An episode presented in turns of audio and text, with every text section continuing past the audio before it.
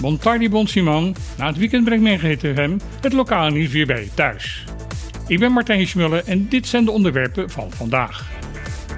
Vorige week berichten wij al dat de kans dat de komende tijd te maken gaat krijgen met een tropische storm of orkaan groter is dan normaal. Dit heeft te maken met het fenomeen dat het water in de Caribische Zee momenteel warmer is dan ooit gemeten. Omdat warm zeewater de motor is voor het ontstaan van alle orkanen, is het verstandig om rekening mee te houden dat ook wij er overlast van zullen gaan krijgen. In een artikel op de website van Caribisch Netwerk zegt weerkundige Nadia Bloemendaal van het KNMI dat de eilanden alert moeten blijven. Ze zegt dat de kans heel groot is dat de komende maanden zich meerdere orkanen zullen gaan vormen in de categorie 3 of hoger. De vraag of deze toename in orkaanactiviteit nu de rechtstreekse gevolg is van de klimaatsverandering, vindt Bloemendaal moeilijk te beantwoorden. Volgens haar is daar nog veel meer onderzoek voor nodig. Na de drie grote orkanen die in 2017 door het Caribisch gebied raasden, is er wel veel onderzoek gedaan of de Westeilanden daar voldoende op voorbereid waren. Het antwoord op die vraag was toen volmondig nee. Uit een rapport van de Inspectie Justitie en Veiligheid blijkt dit in vijf jaar niet veel veranderd te zijn. De adviezen en aanbevelingen die in de tijd zijn gegeven blijken in belangrijke mate niet te zijn opgevolgd. Daarbij is nog steeds niet duidelijk wie nou eigenlijk waar verantwoordelijk voor is. Dus ook niet wie er moet voor zorgen dat de veranderingen doorgevoerd gaan worden. Afgelopen vrijdag is de bouw begonnen van het Bonaire Service Centrum. Dit moet een plek worden waar de beurs van Bonaire alle informatie over de overheid kunnen vinden en ook terecht kunnen om bijvoorbeeld vergunningen aan te vragen. Het centrum wordt gevestigd in het gebouw van de voormalige technische school. De overheid van Bonaire zegt dat de totstandkoming van het centrum belangrijk is om de afstand tussen de overheid en de burger te verkleinen.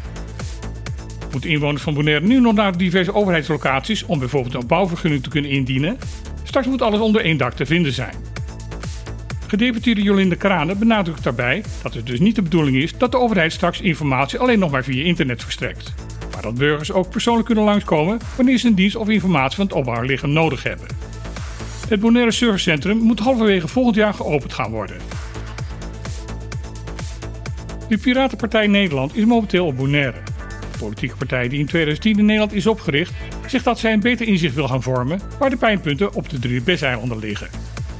De partij is tegenwoordig samengegaan met een andere partij, de Groenen. De nieuwe lijsttrekker van deze combinatie, Mark van Treuren, is samen met bestuurslid Danny Werner gisteren op Bonaire aangekomen. In een promotiefilmpje zegt Van Treuren al een heleboel plannen en ideeën te hebben wat hier veranderd moet worden. En dat hij graag hierover in gesprek gaat met de bewoners van dit eiland. Daarom is komende woensdag een meet and greet georganiseerd in het Terremar Museum in Playa. Van 7 tot 9 uur in de avond kunnen belangstellenden in gesprek gaan met de twee heren omdat het museum maar een beperkte capaciteit heeft, wordt reserveren sterk aanbevolen.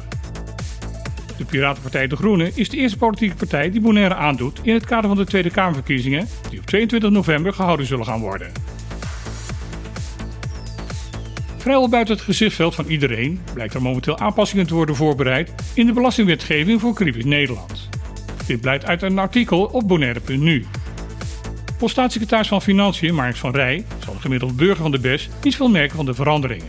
Echter blijkt uit het artikel dat de nieuwe wetgeving voor ondernemers van Caribisch Nederland beslist wel flinke gevolgen heeft.